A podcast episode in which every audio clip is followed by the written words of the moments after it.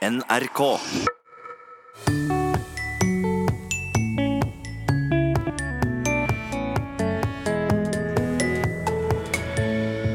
Jeg beklager at jeg har eh, opptrådt på en måte som eh, enkeltmennesker har eh, opplevd som upassende eller ubehagelig. Det må jeg legge på min kappe. Det er min skyld. Offentlige unnskyldninger er en krevende retorisk øvelse. Mye kan gå galt, og det har det gjort for norske politikere i metoo-sakene, mener retoriker. Altså, Hvis vi tar de sakene som har vært mye framme i det siste, så har egentlig ikke de lykkes veldig godt i å unnskylde seg. Og hvem var det som var så uheldig å bli tapt bak ei vogn for aller første gang, spør lytter. Dette har antagelig opphav i en konkret situasjon hvor noen satt bak på en vogn, og så falt han av. Velkommen til en ny utgave av Språkteigen. De første uken av 2018 har vært prega av offentlige unnskyldninger. Alarmklokken har ringt ganske jevnt etter at metoo gjorde sitt inntog i norsk politikk. Hva som skjer internt er én ting, men i offentligheten har vi sett politikere med et behov for å beklage og si unnskyld. Og en offentlig unnskyldning, det er en retorisk utfordring. Flere viktige faktorer skal være på plass for at du skal lykkes. Og Magnus Hoem Iversen, retorikkforsker ved Universitetet i Bergen, hvordan har det vært å se på Trond Giske, Ulf Leirstein og Christian Tonning Riise håndtere disse sakene i offentligheten? Det har vært uh, veldig interessant. Det er unnskyldninger som på papiret er gode, men som går galt, f.eks. Og det er unnskyldninger som slett ikke er unnskyldninger. Og det å på en måte sitte og forsøke å finne ut og nøste opp i det, er veldig spennende for en retoriker. Så du sier at de har ikke lykkes sånn rent retorisk? Jeg vil si at uh, de tre sakene vi var innom nå, de har slått ganske feil retorisk. Så når Giske, Leirstein eller Tonning Riise da framfører sine unnskyldninger i offentligheten, hva er det du ser etter? Først og fremst, er det snakk om en uh, ekte unnskyldning, eller er det snakk om en forsvarstale? Det som vi retorikere kaller apologi. For de er helt forskjellige. Ja, Hva er forskjellen på de to? Forskjellen på de to er at forsvarstalen, der snakker man på vegne av seg sjøl. Og her går man ofte litt hardt ut, man er offensiv. Og man ønsker å rettferdiggjøre sine egne holdninger eller handlinger. Og man forsvarer egentlig seg sjøl, og snakker da på vegne av seg sjøl. Men en unnskyldning, derimot, den fremføres ikke på vegne av seg sjøl, men på vegne av noen andre. Uh, og den innebærer alltid at man anerkjenner at man selv er ansvarlig og skyldig, da. Mm. Og der er det jo en viktig forskjell. Ofte når det blir bråk, så kan det hende at man begynner å unnskylde seg, men så glir det kanskje over i en forsvarstale. Mm. Vi kan jo ta det, da. Hva er det som kjennetegner en god unnskyldning? Ja, så unnskyldningen det er en sånn språkhandling. Den skal på en måte utføre en jobb. Den har en helt konkret funksjon, og den skal få noe til å skje ute i verden. da. Og det som skal skje, det er at en motpart skal fjerne en skyld man selv går og bærer på. Det sentrale da er kanskje stikkordet anerkjennelse. En må anerkjenne sin egen skyld, og så må en anerkjenne motparten sin uskyld. Mm. Og så må han også anerkjenne at motparten reagerte på en, på en grei måte da han eller hun ble krenka. Og så hvis vi går til selve unnskyldelsen, altså selve ytringen, så innebærer den ofte at man rett og slett først og fremst anerkjenne og si det at man har gjort noe galt, og man ber om tilgivelse. Og så må man vise at man gjennom grundig ettertanke har endra innstilling og handlemønster og gjerne søke soning i en offentlig kontekst, foran alle, foran hele samfunnet. Så et godt utgangspunkt for å gi en god unnskyldning er rett og slett at du innser at, at du, har tatt feil. erkjenner skyld? Ja, erkjenn skyld. Det er kanskje det viktigste. Fordi hvis man da glir over i forsvarstalen, eh, og liksom Man kan si ja, jeg beklager, men jeg hadde faktisk veldig gode grunner til å gjøre sånn som jeg gjorde. Det eh, blir ikke nødvendigvis så veldig godt mottatt av motparten. Alternativt så kan man jo gli over i en sånn litt sånn lett beklagelse. For eksempel så kan man eh, beklage at du ble støtt. Det er jo egentlig ikke en unnskyldelse, for da sier man bare at det var egentlig din feil. At dette ble en vanskelig situasjon. Det var du som reagerte, og jeg oppfører meg egentlig helt vanlig. Og et ganske kjent eksempel på det er jo eh, Valla-saken. Gerd Liv Vallas unnskyldning til Ingunn Yssen er jo en typisk sånn der hun vel beklager at Yssen ble støtt. Det er store forventninger til hvilken unnskyldning hun kommer med overfor Ingunn Yssen, som gikk ut for vel en uke siden og sa at hun hadde følt seg mobbet av LO-lederen. Når det så gjelder forholdet mellom eh, Ingunn Nissen og meg, så syns jeg det er leit hvis Inger Nissen har oppfatta noe av det jeg har sagt eller gjort, som sårende. Det har aldri vært min hensikt, og det beklager jeg sterkt. Og Gerd Liv Valla gikk av som LO-leder våren 2007 som en følge av denne saken. I programmet Overeksponert i 2011 sa hun at hun aldri skulle gitt denne unnskyldningen. Kan ikke be om unnskyldning for ting du ikke har gjort. Du mener du ikke har gjort. Eh, da blir du Da, da, da prøver du å redde en posisjon og du begynner å på en måte ljuge litt. Altså, jeg, jeg, for enkelthets skyld så, så, ber jeg bare om unnskyldning, eh, og så er vi ferdig med det. Det, det, det føler jeg er en veldig skummel vei å gå inn på. Men hvis vi går til saka vi har sett nå på starten av 2018, da. Har det vært forsvarstaler eller unnskyldninger, Magnus? Det er litt ulike saker, så det er litt forskjellige. Ja. Hvis vi tar Giske-saken først. Ja. Jeg beklager at jeg har eh, opptrådt på en måte som eh, enkeltmennesker har eh, opplevd som upassende eller ubehagelig. Det må jeg legge på min kappe. Det er min skyld. Og det er jeg veldig lei meg for. Vi har de siste dagene fått inn varsler og henvendelser om dette fra, fra enkeltpersoner. Vi har gått gjennom det. Og det har vært en øyeåpner for meg som jeg tar dypt alvorlig, og som jeg beklager, og som jeg skal lære av.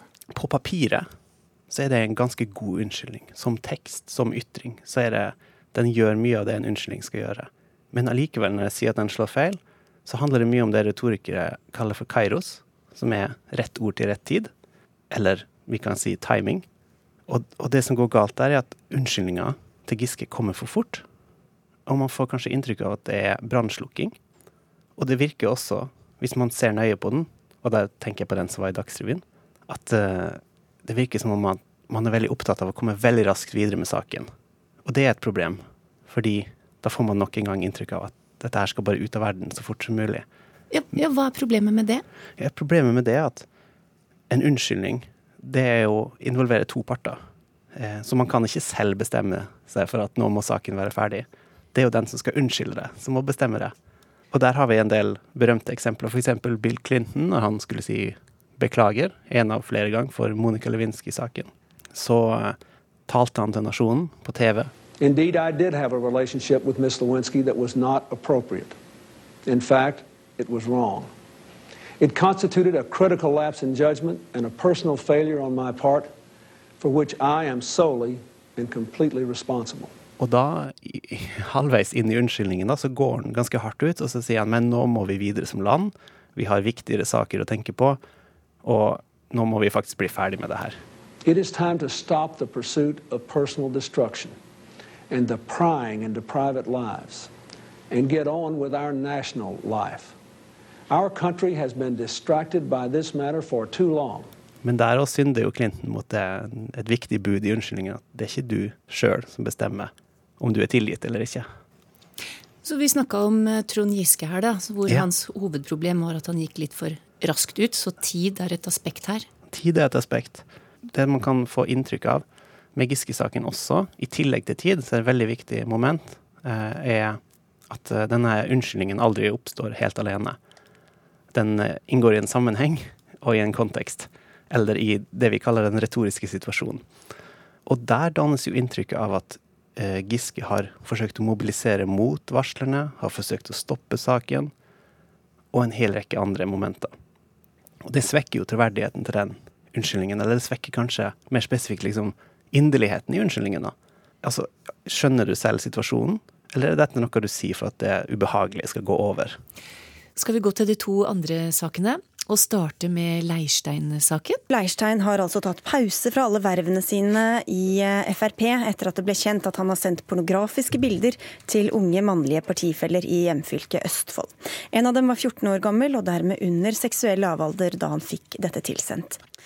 Dagsnytt 18 har forsøkt å komme i kontakt med Leirstein. Han har eh, ikke ønsket å stille her, men han har gitt dette svaret til NRK, og også lagt det ut på Facebook-siden. Jeg siterer NRK presenterer i dag en gammel sak hvor en anonym gutt som da var 14 år gammel, forteller om bl.a. e-poster og tekstmeldinger fra meg med seksualisert innhold.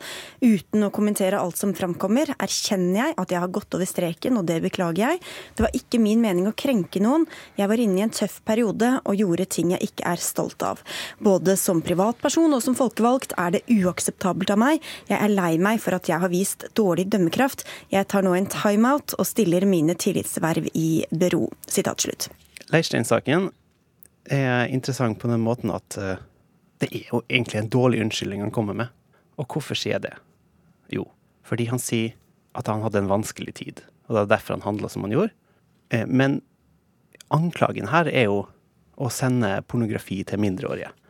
Og når Leirstein da forklarer seg ved å si at han hadde en vanskelig periode, så er det et brudd på det vi retorikere kaller for aptum, altså det passende. Så unnskyldninga står ikke i stil til alvorlighetsgraden, rett og slett.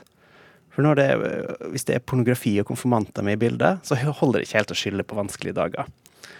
For de aller fleste av oss har jo hatt en vanskelig periode uten at vi har satt oss ned og spredd pornografi til 15-åringer. Så den unnskyldninga holder på en måte ikke. Og så hvis vi går videre da og ser på uh, varslingssaken mot Leirstein totalt sett, da, så har det jo det også fått en håndtering i Fremskrittspartiet. Mm. Og Der finner vi en annen type unnskyldning, eller kanskje det egentlig ikke er en unnskyldning, men det er mer snakk om forklaringer. Og når Fremskrittspartiet blir konfrontert med hvorfor har dere ikke tatt tak i, i Leirstein før, når dere har visst det så lenge, så sier de nei, vi, vi, glemte det. Det er veldig vanskelig å spekulere i påstander som jeg ikke eh, kan huske. Eh, derfor så er jeg veldig opptatt av å si at det er uansett mitt ansvar at dette ikke har gått bra. Eh, men jeg husker altså ikke dette, selv om det høres aldri så dumt ut. Og det kan man jo si, at man har ikke husker noe. Men det tror jeg mange vil oppfatte som en, en litt dårlig unnskyldning. Iallfall som en forklaring. For etter retoriske termer, da, er det egentlig bedt om unnskyldning her? Nei, det er jo ikke bedt om unnskyldning. Det er på en måte beklaget og forklart. Fordi det er jo ingen som sier at de har gjort uh, noe ordentlig galt her. Leirstein sier jo det til en viss grad, men så forklarer han det for mye med, med å si at han hadde det vanskelig. Han var ikke seg sjøl. Og da har du på en måte ikke anerkjent din egen feil nok fra et retorisk perspektiv. Så skal vi til Christian Tonning Riise, som gikk av som Unge Høyre-leder 11.11 etter å ha posta et Facebook-innlegg, som nå er sletta for øvrig, men hvor det sto annet dette. Når jeg ser tilbake på ungdomstiden min, er det mye jeg er stolt av. Men det er også flere ting jeg skulle ønske at var ugjort. Ting man ikke burde ment eller sagt, og relasjoner man ikke burde inngått. Det er det ikke mulig å gå tilbake på. Metoo-kampanjen har gitt grunnlag for refleksjon, og jeg er blitt konfrontert med at medlemmer i Unge Høyre ved flere anledninger har reagert på min atferd. Jeg vil understreke at det ikke foreligger noen varsler, og at jeg aldri med vilje har forsøkt å oppføre meg ufint mot noen, men erkjenner at jeg ved flere anledninger har utvist for dårlig dømmekraft og blitt konfrontert med det. Her kommer jo unnskyldningen før sjølve saken dukker opp? Ja, det er ingen som vet at altså Iallfall ikke i offentligheten. I offentligheten så er det ingen som vet at noe har skjedd. Og så blir det publisert en unnskyldning. Og når det da kommer graverende informasjon etterpå, så framstår jo unnskyldningen som en ren sånn brannslukkingsøvelse. Et rent forsøk på å liksom kvele en situasjon. Og det vitner ikke om mye sånn selvransakelse, og rett og slett det vitner ikke om mye selvinnsikt på på vegne av det man har gjort, da. Fagtermen må vel bli en, eh, en mislykket unnskyldning, rett og slett. Eller et forsøk på å, å, å ta regi over en situasjon som slår fullstendig feil. Du framhever dette med tid og sjølransaking. Men hvor lett er det med det tempokravet som er i journalistikken, og som har fått mye kritikk i forbindelse med disse sakene? Det er absolutt et, eh, et problem på flere nivå at det går såpass fort. Fordi ingen parter får jo egentlig tid til å fordøye hendelsene ordentlig. Altså, for en offentlig person, for politikere, så, så kommer man i en, en voldsomt vanskelig situasjon. Mm. Det er det ingen tvil om.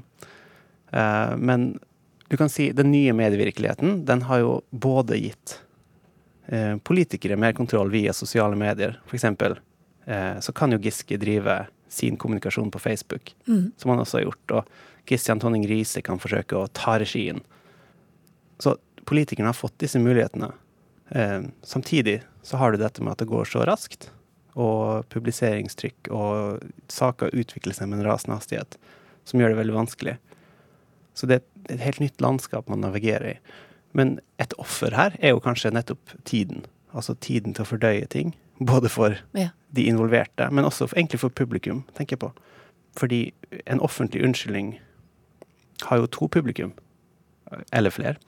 Du har jo de krenkede parter, f.eks. i disse varslingssakene, men det er også eh, det norske folk og eh, velgerne som på en måte skal vurdere er dette en potensiell leder, er dette en politiker som vi har tillit til. Og det er ikke alltid man får tid som publikum tenker jeg, til å, til å fordøye alt som skjer. Og det kan være et problem. Mm. Hvis du hadde vært rådgiver i de mest dramatiske og avgjørende minutta eller timene i disse saka, hva ville vært dine tre beste råd? Råd nummer én ville vært at du skal legge alle kort på bordet fra første stund. Og råd nummer to er at hvis du ikke er klar for å gi en ordentlig unnskyldning, så skal du holde munn. Og nummer tre er at du må godta at det her kan ta tid, og du må kanskje innfinne deg med at du ikke kan ha en stemme en periode. Du må rett og slett vente, og ikke nødvendigvis kommentere alt. Magnus Hoem Iversen er retorikkforsker ved Universitetet i Bergen. Og neste søndag så blir det mer retorikk i Språkteigen. Da drar vi til Bergen for å lære mer. I to år har nemlig retorikkgruppa ved universitetet arrangert talekonkurransen Ta ordet for elever i videregående skole, noe som blant annet har bidratt til at hundrevis av elever på hele Vestlandet har reist seg opp og holdt taler foran store forsamlinger. Vi skal møte noen av eleva og høre mer om prosjektet.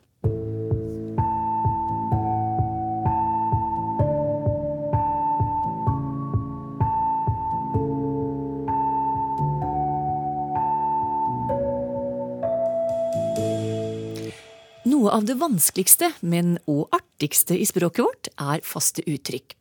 Artigst kan det ofte være når det kommer ut helt feil, og det skjer jo den beste. Og det skjer i beste sendetid på TV, som under OL for fire år sia, da Heide Wengs feiluttale av to uttrykk ble født. Bøye seg i støvet og ta av seg hatten ble til enkelt og greit bøye seg i hatten.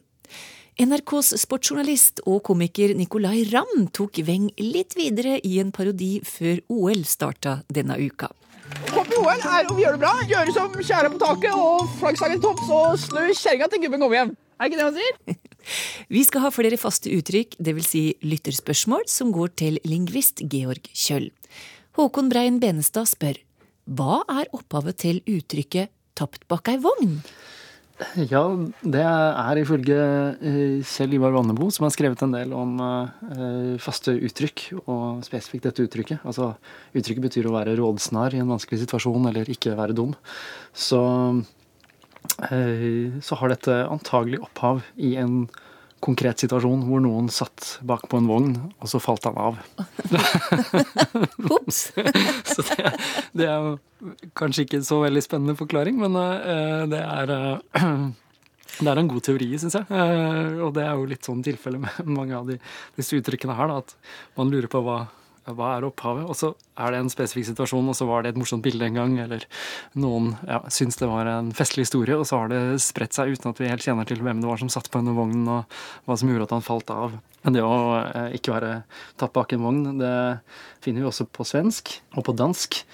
Eh, og ifølge Vannebo, da, så i eldre nydansk, så har du det også uten negasjon. Han sitter som han var tapt av en vogn, eh, som han har fra Peder Syvs eh, ordspråk på slutten av 1600-tallet.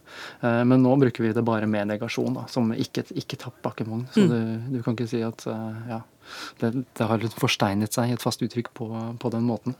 Men vet vi noe om hvor denne vogna var, og hvem som satt der, og hvilken tidsepoke vi snakker om? Nei, vi gjør ikke det. altså. Det er litt som den, dette uttrykket 'male seg inn i et hjørne', som vi snakket om. Eh, Mest sannsynligvis var det noen som gjorde det en gang, og så ble det et uttrykk på bakgrunnen av det han fyren, mest sannsynlig en fyr, det pleier jo å være det, eh, eh, klarte å tabbe seg ut med. Eh, og så ble det et bilde, og så, vet vi ikke helt eh, opp, opprinnelig. Men eh, det er innimellom sånne teorier eh, om, eh, om, hvor spesifikke uttrykk eh, kommer fra. Vi har en del sånne uttrykk som, som går til spesifikke personer på, på norsk. Eh, ofte om bibelske karakterer, så Laban eller Judas eller David og Goliat og sånne ting. Og da kan vi si dette her kommer fra ja, nettopp disse, disse personene i disse, denne litteraturen. Eller om vi snakker om greske sagn, som vi også har snakket om tidligere, altså Argusøyen eller Akilleshæl eller Sisyfos-arbeid, så er dette også spesifikke karakterer i, i, i litteratur. Eh, og, og, man har også noen sånne uttrykk på norsk hvor du har sånne generiske eh, fornavn. Så du snakker om å være eh, helt Nils, f.eks. Um, og Der er det en teori da om at, eh, om at dette kan spores tilbake til en, til en faktisk person, Nils. Eh, en som het Nils Anton Jørgensen. Eh, som Dag Gundersen og Snorre Evensberget skriver om i sin bok 'Bevingede ord'. Han var en, eh, ja, det var en, en, kar som var høyt på strå. Han skulle senere bli olympiadeltaker i fekting og ambassadør i Iran, blant mye annet. Og de har fått fra en kilde, da, at, eh, eller har lest i en kilde, at eh, Nil, denne Nils Jørgensen hadde tilbrakt noen av sine guttedager i England. Og da han kom tilbake, så hadde han anskaffet et par nikkers som skilte seg ut fra de norske. Hvor de var trange, der hvor de norske var vide. Og når en annen gutt i samme klasse eh, skaffet seg lignende nikkers, så sa folk er du blitt helt Nils, du, da? Og så sier de at dette er opphavet til uttrykket å være, være helt Nils, som er å være litt sånn rar. Men eh, man kan jo ikke bevise dette. Og, og, det er jo et hull i forklaringen her også om at uh, Nils var jo en litt sånn tøff, kul fyr med litt sånn motorløve. Mm. Hvordan dette ble et uttrykk for å være litt sånn små småenkel. Det er ja, vanskelig å si. Jeg tror, det, jeg tror, det, gjelder mange av disse uttrykkene her. Altså om det er å være Johan eller å være eh, Viggo, som vi ikke har venner, eh, så er det mest sannsynlig en, en sånn, et bokstavrim fra det å være Viggo venneløs. Det var ikke en faktisk Viggo der ute som, som ikke hadde venner. Så, og det kan godt være at den personen som malte seg inn i et hjørne, eller den som eh, tapp, ble tapt bak en vogn, som falt av en vogn, at det var, det var, ikke en ordentlig person. Det var kanskje en karakter eller, eller et bilde, bilde også. Det, det, vet vi ikke helt. Men Håkon lurer òg på et uttrykk til, nemlig 'riset bak speilet'. Hvor kommer det fra? Dette uttrykket handler om å, å ha en trussel i, i bakhånd, eller være en skjult eh, trussel mot noen.